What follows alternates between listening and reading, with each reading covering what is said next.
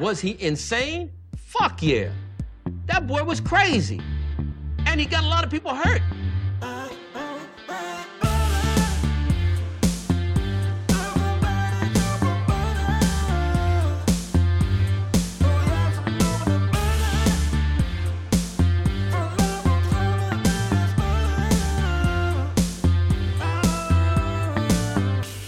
He doesn't like butter. I fucking love butter. I fucking love it. What's up, motherfuckers? Welkom bij een nieuwe aflevering van de Zonde van Je Tijd podcast. Een podcast waarin mannen niet alleen zijn eigen tijd, maar ook uw hele kostbare tijd verdoet met het uitkramen van absolute onzin. Ik hoop dat deze aflevering jullie treft in blakende gezondheid en een gevoel van geluk. Ik weet niet waarom ik dat woord altijd met een zachte G moet maar de zon schijnt. Dus daar kan het niet aan liggen. En ik weet natuurlijk, het leven is fucked up voor een hoop mensen. Maar we gaan er maar het beste van proberen te maken. Of niets aan. Lekker man. De, lente begint goed. Ik zag gisteren al, was de warmste dag van het afgelopen jaar. Nee, van afgelopen... Mensen weten tegenwoordig dat het was de afgelopen wa- warmste 22 maart alle tijden. Of zoiets. Weet ik veel. We zitten weer... Het is weer tijd. We pakken er een krantje erbij van de laatste dagblad. Want jullie weten hoe ik rol. Jullie weten hoe ik doe. Ik ga gewoon jullie het nieuws voorlezen. En ik ga er grappen over maken. Proberen te maken. En eh, wie weet eh, zien we het vanavond bij Lubach. Heh, Lubach doet het goed trouwens, man. Ik zat vandaag net... Ik zat net, net, net even te kijken. Ik zag, ik zag dat Fouad Hassan daar was. Dat vind ik cool. Hassan, Fouad Hassan is een coole gozer. Ik, dat vond ik trouwens vet. Dat ze meer met die correspondenten gaan werken. En Fouad Hassan is daar uitermate geschikt voor. Maar ehm, dat ze meer van dat gaan doen. In plaats van ehm, die, die, die, die, ja, ja. Want dat is ook, zo, want zo zijn een hoop mensen ook doorgebroken bij, eh, bij, via de Daily Show. Zijn een hoop mensen zijn via, via, van, via dat correspondeurschap, correspondenschap, het waren, het waren dan de schrijvers en de correspondenten die via die, via die, die pad zijn ze in een soort van doorgebroken. Bijvoorbeeld Stephen Colbert, eh, eh, Adam, eh, ehm, Stephen, ja, Stephen Colbert had je, je had, eh, ehm, eh, Adam, nee, ehm, Steve Carell, dat, Michael Che, wie, wie zat er nog meer dan eigenlijk? Ik ga het gelijk, zit heel veel op bij. Samantha Bee zat erbij, hoe heet die ene gozer dan? Die acteur van, eh, van, eh, van ehm, The Hangover. Eh heet die guy nou ook weer? Hangover, Hangover, Hangover. Ed Helms zat erbij. Eh, de Daily Show Correspondent. Zie je, het is, is, het is al gewoon een zoekdingetje bij. John Oliver zat erbij, Steve Carell, eh, Jordan Klepper. Eh, genoeg mensen. Hassan Minhaj zat er natuurlijk bij, Michael Che. Dus dat is best wel fucking vet te zitten als dat ook hier in Nederland meer zou gaan gebeuren. Met, met die show. En ik denk misschien dat dat een, dingetje gaat worden. Want dan wordt het wel wat leuker als je eh, in, in plaats van continu achter, dat, achter die desk te zitten. Dus ik weet niet. Dus, dus dat is een goed dingetje. Dus het was vet om te zien dat. ehm dat Fouad Hassan daar zat. Toffe gozer. Ik had ooit een keer een podcast met hem opgenomen, maar ik was vergeten op record te drukken.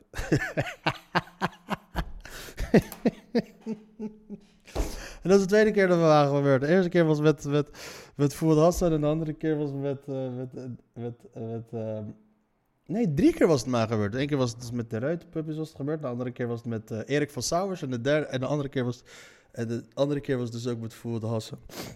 Ah, fijn. Nou, we beginnen de krant. De ouderen negeren de boosters, dames en heren. We worden weer geherinnerd aan de corona. Alle coronamaatregelen vervallen vandaag. Oh ja, natuurlijk. Hey, happy eh, no corona anymore day. Alle coronamaatregelen vervallen vandaag. Toch is de besmettingsgraad nog bijzonder hoog. De opkomst voor de tweede booster onder 70-plussers valt tegen. Misschien zijn ze allemaal dood. Weet jij, in totaal heeft slechts 21% van de ouderen een prik gekregen. Ook onder 18-minners is de animo voor de eerste booster niet overdreven groot. Vandaag vallen alle, vervallen alle coronamaatregelen. Bij het ministerie van Volksgezondheid maken ze zich grote bezorgdheid. Bezo- zorgen. Oké, het feit dat dit al op de voorpagina staat. En het ministerie van Volksgezondheid maakt zich, ondanks het alle, ehm, maatregelen vandaag vervallen, maken ze, geven ze zichzelf een soort van speelruimte. Sinds begin maart kunnen de eerste 70-plussers hun, tweede booster krijgen. In totaal mogen zo'n 2,2 miljoen Nederlanders van die leeftijd hem halen. Maar pas 454.111. Je moet eerst die alle getallen uitspreken en dan pas de duizend. Dus 454 en 111.000. Ik wou eerst dus 454.000 zeggen, dan 111. Ik weet niet, dat is volgens mij een soort van Franse manier van tellen. Daarvan hebben er, en ik weet ook niet, ik tel normaal nooit in het Frans. Daarvan hebben er, al- de Fransen hebben wel de relax, meest vette manier van tellen. 80 is 4 keer 20 en dan 5. 85 is dan 4 keer 20 plus 5. 85. Lachen toch? Of eh 96 is dan, ehm, is dan eh 4 keer 20, 16. Dus je moet echt rekenen de hele tijd aan. 20, 30, 40, 50, 60. Oh ja, 60, 10, dat is 70. 65, 67, 68 en zo 70, 8, 78, 79, 90, 80, 80, 81, 82, 83. Ja, dat is gewoon, ja. Hebben al die Arabieren al het werk voor niks gedaan? Volgens het ministerie van Volksgezondheid speelt daarbij de meest mee, dat mensen pas drie maanden na hun eerste booster of besmetting de herhaalprik mogen krijgen. Dus niet iedereen van die leeftijd er al, al voor in aanmerking komt. 24, oké, boeiend. Ik heb hier sowieso geen zin. Tata Steel betaalt alleen belasting aan Tata Steel. Natuurlijk betaalt Tata Steel alleen belasting aan Tata Steel. Uiteraard komt weer de laatste dagblad hiermee om de Tata Steel motherfuckers aan te pakken. Want al die andere kranten liggen gewoon te slapen. Het laatste dagblad was trouwens ook de krant die eh, naar buiten was gekomen. Die, eh, die, die het hele schandaal met de GGD eh, naar boven had gehaald. Dat de GGD-rapporten bewust Tata Steel als een van de eventuele oorzaken uit het rapport had gehaald van verhoogde kanker in volgens mij de regio Beverwijk, IJs, IJsselanden. Ik weet niet hoe die, hoe die shit heet. Ehm, heet het nou? Mijn broer woonde daar vroeger. Eh Zaandijk, Zaandam, dat, eh, dat gat. Letterlijk gewoon een gat. Vooral hoe je leeft bepaalt hoe oud je uiteindelijk zult gaan worden. Joh. Al dus een onderzoek van het LUMC. Poetins droom van een nieuw tijdperk is voorbij. Ja, laten we het gewoon lekker actueel houden. Lekker over de oorlog. That's me. Corona is passé. Doorgaan op het huidige pad van uitputting is niet aanlokkelijk voor Poetin. Hij heeft nog twee opties die alle twee even slecht zijn. Toen Poetin besloot om Oekraïne binnen te vallen, deed hij dat in de volle overtuiging dat het Oekraïense verzet binnen een paar dagen zou zijn neergeslagen. En dat zijn leger als bevrijders zou worden onthaald. De regering van Zelensky zou het land ontvluchten en er zou een regime zitten dat hem goed gezind was. Een misrekening van epische proporties. Zou het, zou het, zou het, zou het, zou het, zou het, zou het, zou het. Bedoel, hoe dom kan je zelf, zelfs ik had wel zoiets van, ik bedoel, als het nou out of the blue was gekomen, net als 2014, dan had ik nog wel kunnen begrijpen. Maar hij had toch al gezien dat die Zelensky met 75% van de stemmen had gewonnen toen de tijd. En dat, de, en dat, de, dat, en dat het, die banden ook niet echt beter zouden zijn geworden. En dat iedereen als jij een land binnenkomt vallen, vinden ze het niet fijn. De Oekraïense bevolking, inclusief het Russisch-talige deel, keerde zich massaal tegen het broedervolk. Het Russische leger bleek niet opgewassen tegen de veel beter gemotiveerde Oekraïnse strijdkrachten. En de rest van de wereld sloot in no time de rangen. Verklaarde Poetins land tot paria en nam dat grote pakket ongekende zware sancties aan met de snelheid die de wereld nog niet eerder had gezien. Poetins droom van een nieuw tijdperk van Russische dominantie over Oekraïne en herstel van de ouders, het oude Russische imperium ligt in duigen. Hij heeft nu in feite nog maar twee opties die alle twee even slecht voor hem zijn. Maar ja, maar wie neemt hij mee met een even slecht in hem zijn? Weet je? Ik bedoel, als iets slecht voor mij is en alleen voor mij, dan neem ik die beslissing niet. Want dan had hij deze hele fucking oorlog niet begonnen. Maar als hij nu gewoon een slechte beslissing kan nemen en het is ook slecht voor de rest, met wie hij die oorlog is begonnen, dan wordt waarschijnlijk die tweede keuze. Maar ik ben benieuwd wat volgens deze krant de tweede keuze is. De eerste is de strijd nog verder opvoeren met alle middelen die hem ter beschikking staan en zo pogen Kiev op de knieën te dwingen. De tweede is zijn verlies te nemen en het op een akkoordje met Zelensky te gooien. Misschien dat zijn opvolger het over 20 jaar opnieuw kan proberen. Maar welke opvolger van Zelensky of van? Zou wel luid zijn als jij over 20 jaar nog steeds de baas bent. Maar niks verbaast me meer, motherfuckers. Ze, ze pompen je op met van alles en nog wat. Ze pompen die shit wat ze in Madame Tussauds, eh, wat ze kennelijk... eh, ze moeten dit gaan uitproberen, weet je? Die shit wat ze in mensen spuiten om, om, ze, om ze wat langer... eh, om, om, om het ontbinden te vertragen. Dat soort shit kunnen ze waarschijnlijk ook nu gewoon bij mensen doen. Kijk naar al die motherfuckers. Is dat die botox? Ja, misschien is dat de definitie van botox. De eerste optie baart de Amerikaanse president Joe Biden de meeste zorgen. Beiden zijn maandag te vrezen, maandag, maandag vrezen dat Moskou biologische en chemische wapens zou inzetten om zijn doel te bereiken. Dat heeft Poetin al eerder gedaan, of beter laten doen, in Syrië. De gifgasaanvallen van Bashar al-Assad leidden toen tot een grotere stroom van vluchtelingen door de schuld bij voorbaat te leggen bij de andere kant, Zelensky. Kan Poetin voor zijn eigen bevolking zijn handen in onschuld wassen en de druk op Zelensky verder opvoeren? Hetzelfde geldt voor de inzet van de kleine tactische kernwapens. Jee, dat klinkt helemaal super fijn. Kleine tactische wapens. Geen tactische kernwapens, kleine tactische kernwapens. Dus relax, kleine. Het is klein, klein, weet je. Ik, ik krijg een kleine dood. Ik, ik, weet je, ik krijg een klein beetje kanker. Dit is niet kanker, kanker. Klein beetje kanker. De rest van de wereld zal dat niet accepteren. Onder leiding van de VS zal de druk op China om de handen van Moskou af te, trekken enorm toenemen. En zonder China is Poetin reddeloos verloren. Geen goed plan dus. Maar ook doorgaan op het huidige pad van uitputting is niet aan, echt aanlokkelijk voor Poetin. De grote Oekraïnse steden zoals Mariupol plat bombarderen en zo Zelensky, Zelensky langzamerhand tot overgave dwingen, vereist dat hij grote aantallen gevechtstroeven zou moeten blijven aanvoeren. Blablabla, blablabla, blablabla. Blijft optie 2 over. Het op een akkoordje gooien met Zelensky. In de afgelopen dagen zijn er verschillende berichten in de media verschenen die daarop wijzen. Volgens de Israëli's heeft Poetin zijn eis tot denazificatie van het land al ingeslikt. Dan zal hij ook akkoord gaan met het aanblijven van Zelensky als president. Is het niet hilarisch dat Israël degene is die, die, die hier gewoon een prominente rol in speelt? Hè? De wereld laat luistert gewoon naar Israël van ja, oké, okay, los jij het op. Jij weet wel hoe het moet. Weet je, aangezien jij ook heel veel, heel veel ervaring hebt met het uh, plat bombarderen van mensen, kapot maken van mensen, vermoorden van mensen, het, recht ontnemen van mensen, het, uh, het, het, dehumaniseren van mensen. Het, uh, volgens Amnesty International ben je al jaren een apartheid staat. Uh, al die jaren dat jij ermee weg kan komen, praat jij met Poetin. Poetin heeft wel respect voor jou. Want wat jij al die jaren doet, dat was wat Poetin eigenlijk wou te doen, ermee weg kunnen komen. Don, als de laatste ook akkoord gaat met Poetins eis tot erkenning van de twee republiekjes in de Donbass en accepteren dat Krim tot Rusland behoort, kan Poetin dat nog aan de eigen bevolking uitleggen als een overwinning. Maar wel een overwinning waarvoor een zeer hoge prijs is betaald, want de westerse sancties zullen niet van tafel gaan. Het land zal internationaal een paria blijven, een doorsnee Rus zal het geld niet meer hebben om vakanties aan verre stranden te vieren en ook de Russische oligarchen, Poetins steunpilaren, kunnen fluiten naar hun jachten. Daarbij zal Moskou een andere westgrens aan, een, een westgrens aan Europa zien opdoemen dat qua defensie veel meer geld gaat uitgeven dan Moskou ooit zou kunnen. De enige die in zijn vuistje lacht is China, want daaraan heeft Poetin zijn land met dit avontuur overgeleverd en dan zullen de Russen hem niet in dank afnemen. Maar de Russen zelf wel. Dus aan wie hebben, ze, hebben de oudere generatie eigenlijk? Dus dat is het. Ik weet niet hoe de bevolkingssamenstelling is in Rusland. Bevolkingssamenstelling. Rusland. Dus dat is wel belangrijk om even te kijken van. Ik wil best wel kijken wat. Um, ik ben in Moskou geweest en wat mij daar is opgevallen is dat uh, de jongere mensen spreken allemaal Engels. Iedereen spreekt Engels. En um, de oudere mensen, niemand sprak Engels. Dat is vrij logisch. Um, demografische leeftijd. Is dat?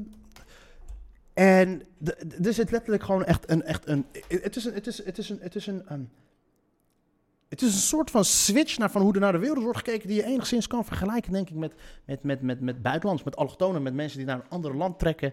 En uh, dan de ouders ten opzichte van de kinderen, hoe die dan uh, in, naar de wereld kijken. Die, die hebben een hele andere soort, een soort van mindset naar hoe ze naar bepaalde zaken kijken. Dus enigszins vergelijkbaar, denk ik, dat het daar enigszins bij in de buurt komt, omdat ze zijn opgegroeid in totaal verschillende werelden. Weet je, van Sovjet, de Sovjet-Unie naar Ru Rusland, uh, de, het kapitalistische, dus aanhalingstekens Rusland. Um, Rusland leeftijdsopbouw, ik weet alleen niet van. Um, de Sovjet-Unie is volgens mij in 1989. Nou, 65 jaar of ouder, 55 of 64 jaar. Um,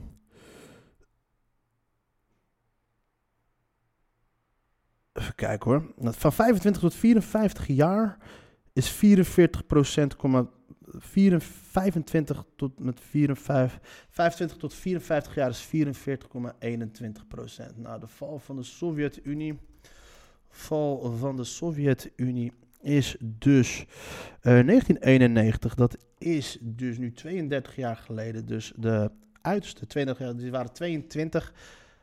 Um, ja. je kan dus wel een soort van stellen dat de helft van eh, eh, Russia Age. I'm not looking for Russia Age of Consent, Russia Age Demographics. Ja, ik, ik snap niet waarom. Ja, de 15 tot en met 64 jaar, waarschijnlijk is dat dus een. eh, een ja, de, de, de be- beroepsbevolking. Even kijken hoor. Ja. Nou. ehm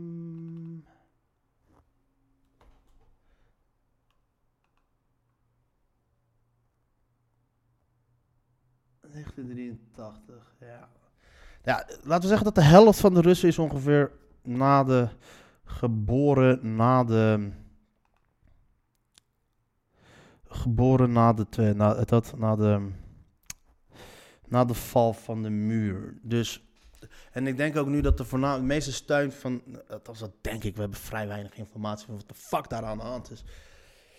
Maar wat mij dus opviel toen ik zelf daar was, dat, dat, dat, die, dat die, de jongeren waren wel, spraken meer Engels. Ze spraken ook gewoon goed Engels. Dus, weet je, dus, die, dus die hebben wel kennis van wat er in het Westen gebeurt. Die komen. Dus hebben een ander beeld van het Westen dan mensen die eh, opgegroeid zijn in de Sovjet-Unie-tijdperk. Dus ik, weet niet waar ik weet nog niet waar de fuck ik eigenlijk vandaan kwam met dit verhaal.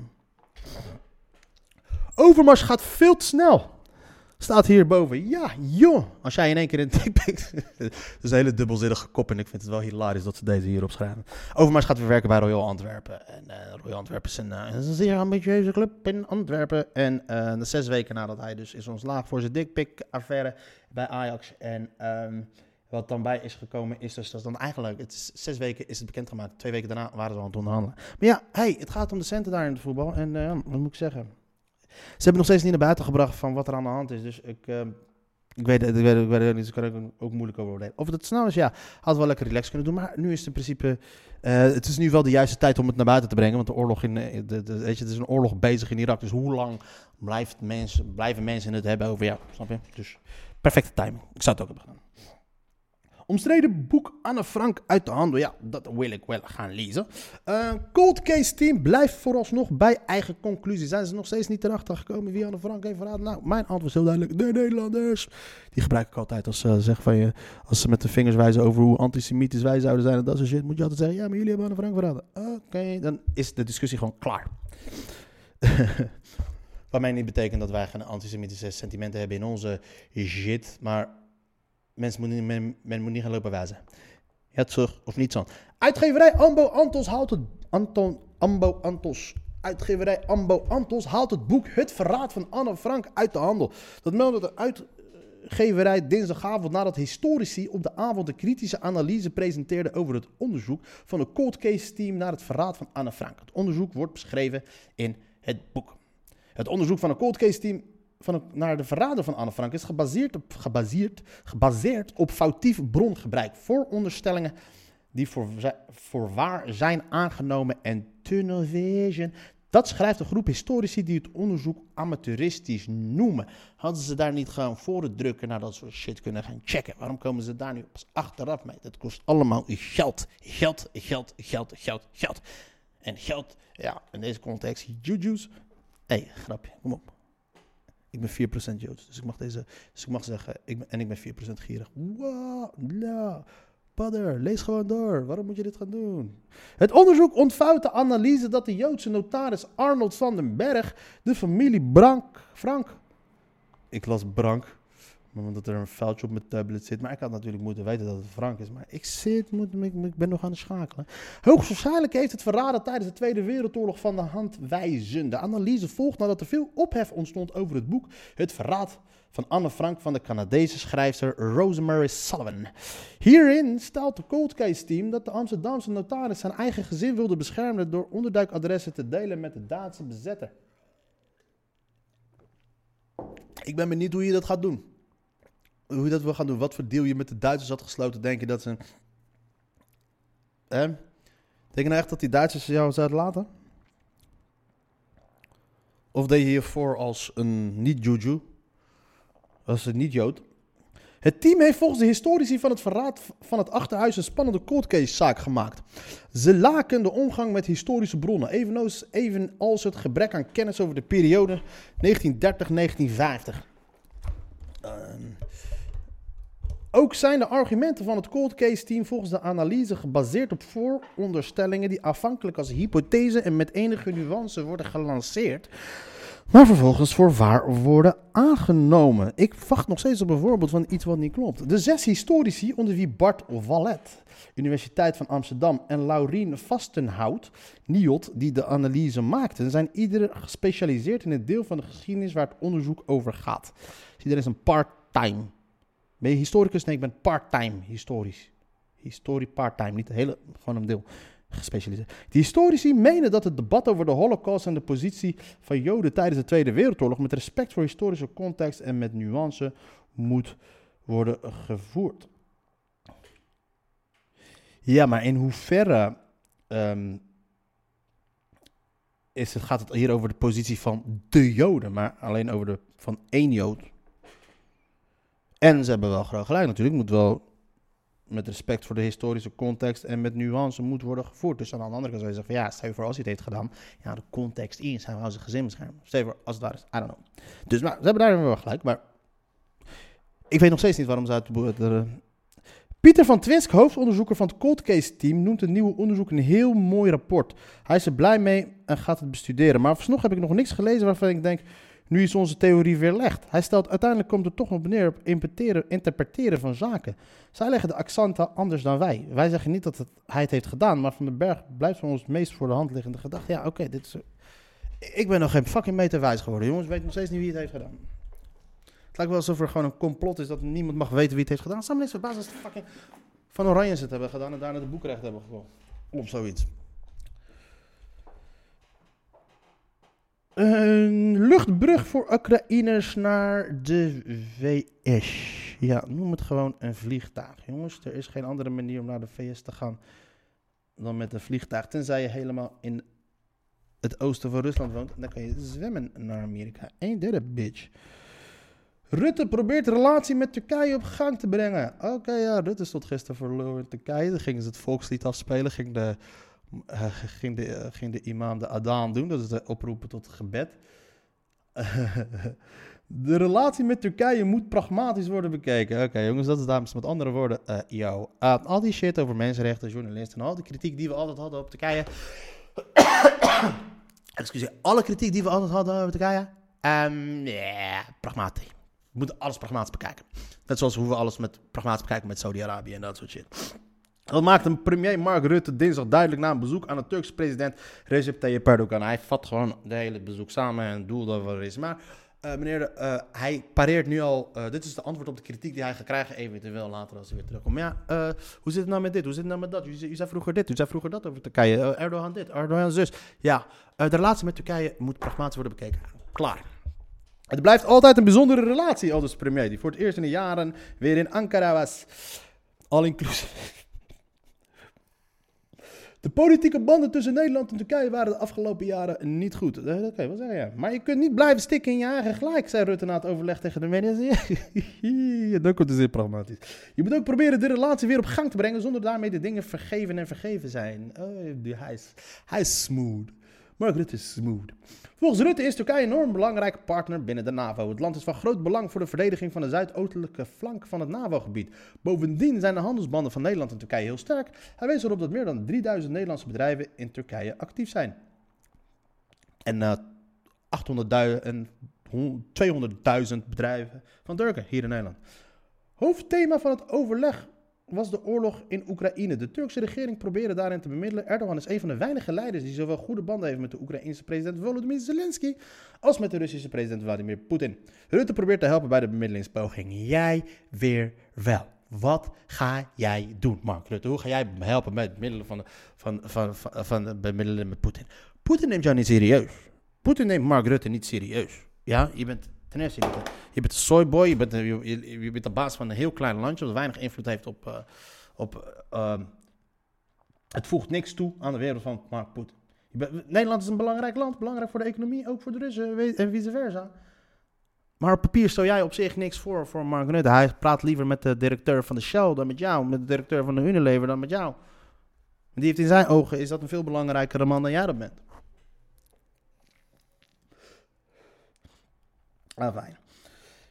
Eh, nieuwe strafmaatregelen voor Rusland aangekondigd. Oké, ik ben benieuwd. Wat, ze, wat, wat gaan we nu weer van ons afpakken? Wat, hebben ze nu nog, wat, wat hebben ze nu nog? Wat gaan we ze nu nog boycotten? Gaan we ze nog...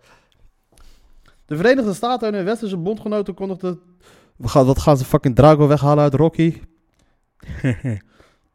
Zie je, ik kan gewoon letterlijk niks grappigs meer verzinnen, omdat alles al is al geboycott. Het is, Rusland is nu het meest geboycotte land ter wereld. Ze hebben meer geboycott dan Iran. Ze hebben meer dan 5000 sancties of zo op zich staan. De Verenigde Staten en hun westerse bondgenoten kondigen deze week extra sancties aan tegen Rusland, zegt het Witte Huis. Dat zou donderdag moeten gebeuren als de Amerikaanse president Joe Biden ontmoeting heeft met de NAVO en de Europese Unie in Brussel. Heeft de Amerikaanse nationale veiligheidsadviseur Jake Sullivan meegespeeld. Een belangrijk onderdeel daarvan is de aanscherping van bestaande strafmaatregelen om het Moskou nog moeilijker te maken om sancties te omzeilen. Al dus Sullivan. Ah, is gewoon een beetje, dat de, een beetje een zekering. Hey, op de, op de, op de, een zekering op de maatregelen. EU-kopstukken maken al duidelijk te maakt nou ook al duidelijk te werken aan een nieuwe strafmaatregel nu Rusland ook na vier forse strafpakketten geen aanstalten maakt de oorlog in Oekraïne te staken. Maar steeds bruter optreedt. Tegenstelling tussen de lidstaten dreigen weer op te spelen nu vooral Russische export van gas, olie en steenkool als doelwit overblijven. Daarom ligt het voor de hand om eerst proberen om de werking van de eerste sancties te versterken, zeggen de Brusselse bronnen.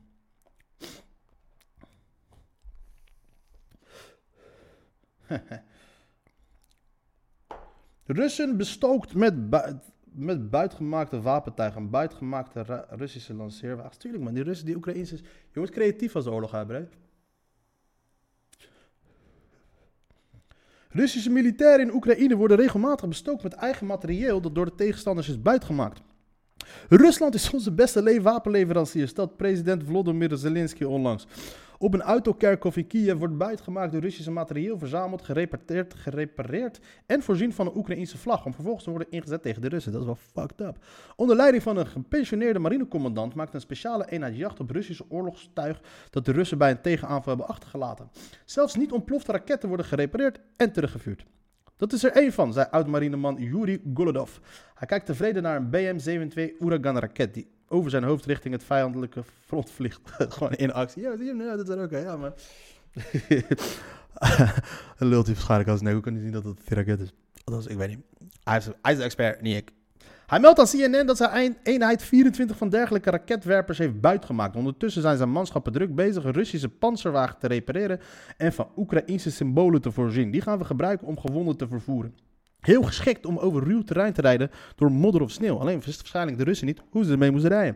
Veel Russisch materieel is bekend op het autokerkhof. Soms komt het nog uit de Sovjet-tijd, maar ook het Oekraïense leger kocht vaak in bij de Russen. En een Russische tankwagen is al helemaal geen probleem. Men heeft hem zo weer aan de praat. Golodov doet ook nog een boekje open over de Oekraïnse tactiek om aan wapens te komen. Als er een kolonie is waargenomen, schieten we de eerste wagen in brand. Die barricadeert dan de weg en vaak vluchten de Russische soldaten al uit hun voertuigen weg. Ze zijn angstig en gedemoraliseerd. Ze hebben soms geen idee waarom ze hier zijn en zijn ook nog vaak jonge gastjes. Het is makkelijk om dan materieel te lenen, tussen aanhalingstekens, en te hergebruiken, vertelt de commandant. Volgens een rapport van de rekenmeesters van het Amerikaanse zakenblad Forbes had Oekraïne eind februari voor 5 miljard dollar aan Russische materiaal vernietigd. Tevens. En de, een deel daarvan wordt opgelapt door Golodov en zijn mannen. Volgens de straf van het Oekraïense leger zijn vorige, volgens de staf van het Oekraïense leger zijn er vorige maand rond Kiev alleen al 2500 stukken wapentuig vernieuwd. Waaronder 8, 58 vliegtuigen, 83 helikopters, 363 tanks en 1205 panzervoertuigen. Cijfers die niet voor een onafhankelijke bron worden bevestigd. De kans dat de Russen nog vaker worden geconfronteerd met eigen materiaal wordt nog groter. De VS stuurde in het geheim afweergeschut naar Oekraïne. Dat is gemaakt in Rusland, smelt de krant de Wall Street Journal. Oké, waarom dan? Het gaat om een geheime programma dat al tientallen jaren loopt en waarbij Amerika onder valse vlag Russische materiaal opkoopt om wapentuig te kunnen bestuderen. Zo kunnen de Oekraïners rekenen op SA-8-raketten die vliegtuigen en helikopters uit de lucht kunnen schieten. De VS vraagt ook Slowakije om afweergeschut met stempel Made Russia te leveren aan Oekraïne. Over de eigen leveringen zwijgt het Pentagon. Ze vechten daarvoor een land en wij geven daarom geen informatie over de wapens waarmee ze dat doen. Al dus een woordvoerder. En dat zijn die slinkse Amerikaanse trucjes, trucjes. Oplichtersbende in taxi, 600 aftikken voor een ritje van 64 euro. Tariq K en zijn advocaat Ewad staan mee, wat dikke moegroe. Toeristen waren geen mensen voor ze, maar een wandelende portemonnee. Die werden ingedeeld in categorieën die wel of niet makkelijk te naaien waren. Een groep taxichauffeurs die in 2016 en 2017 actief was op Schiphol, had de voorkeur voor Aziatische toeristen die de taal niet spraken en die duidelijk voor het eerst in Nederland waren.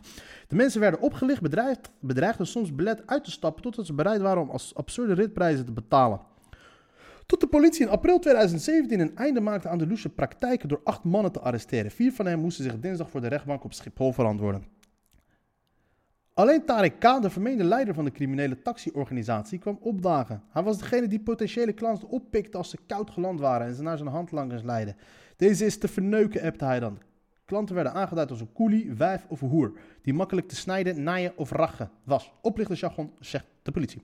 Een zweet die in februari 2017 naar Hotel Campanile in Amsterdam wilde, moest bijna 600 euro betalen voor een ritje dat hooguit 64 euro mocht kosten. Tarek K., die zelf ook in de taxi was gestapt, haalde 300 euro uit de portemonnee van de zweet, viste zijn fototoestel uit zijn rugzak en dwong de man om nog meer te pinnen. Een Japanse toerist moest op 25 januari voor een ritje dat hooguit een paar tientjes kost 270 euro aftikken. De taxichauffeur deed de portier op slot en verhoogde de prijs elke minuut die de Japaner weigerde over de brug te komen. Uiteindelijk koos de man eieren voor zijn geld en betaalde 300 euro.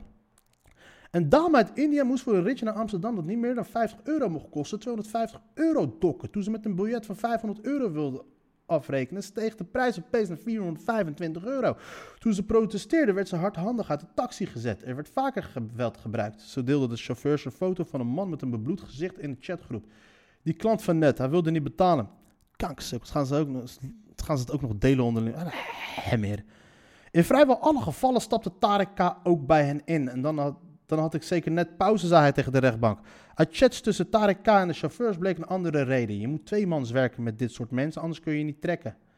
Dinsdag kon hij zich nog herinneren wat hij daarmee bedoelde en ook niet met de tekst. Kon hij zich... Regel in de groep, we rijden nooit op de meter, altijd tarief 2. We, remmen op, we, we rammen de klanten. Komende dinsdag krijgt de verdachte horen welke straf de officier ik hoop dat ze jullie fucking uitkleden. Zit medisch geheim moordonderzoek dwars? Variabel risico per maand. Over de eco terug. Nou, de rest van de krant, dames en heren. Ik weet niet hoe ver we zitten in onze podcast. We zitten alweer de 31 minuten heen. Vergeet ons niet, Ernst. Mijn NS-abonnement heb ik opgezet. Sommige mensen zeggen dat ik dood moet. Oké. Eh, Tata Steel betaalt alleen belasting aan Tata Steel, uiteraard. Ehm, de Tata Steelfabriek in Aalmuiden betaalt al jarenlang geen winstbelasting. Een slimme constructie maakt het mogelijk dat de winsten van de staalfabriek worden weggestreept tegen de rente van de hoge uitstaande schulden, waardoor er geen geld bij de fiscus belandt. Een, rekenkantoor noemt CFO Co van Dort van Tata Steel het Nederlandse moederbedrijf van de fabriek. Vandaag praat de Tweede Kamer over miljardensteun van de, voor de groene toekomstplannen van het bedrijf. Zie je, motherfuckers? Ze flashen de boel, ze naaien de boel. Maar toch worden, gaan we discussiëren over miljardensteun voor die motherfuckers. Geen tulpen meer voor Rusland. Fuck die motherfuckers. Laatste wat ze willen hebben. Al, hoewel, ze zouden die wel kunnen opvreten als het uitkomt. Bij Krimp Schiphol, grote gevolgen voor KLM. Uiteraard, motherfuckers. Een zestiger kan een biologische leeftijd van 80 hebben. Ja, dat is fucked up. Het geheim van gezond oud worden. Deze ga ik zelf niet voorlezen, want ik word een beetje depressief. eh.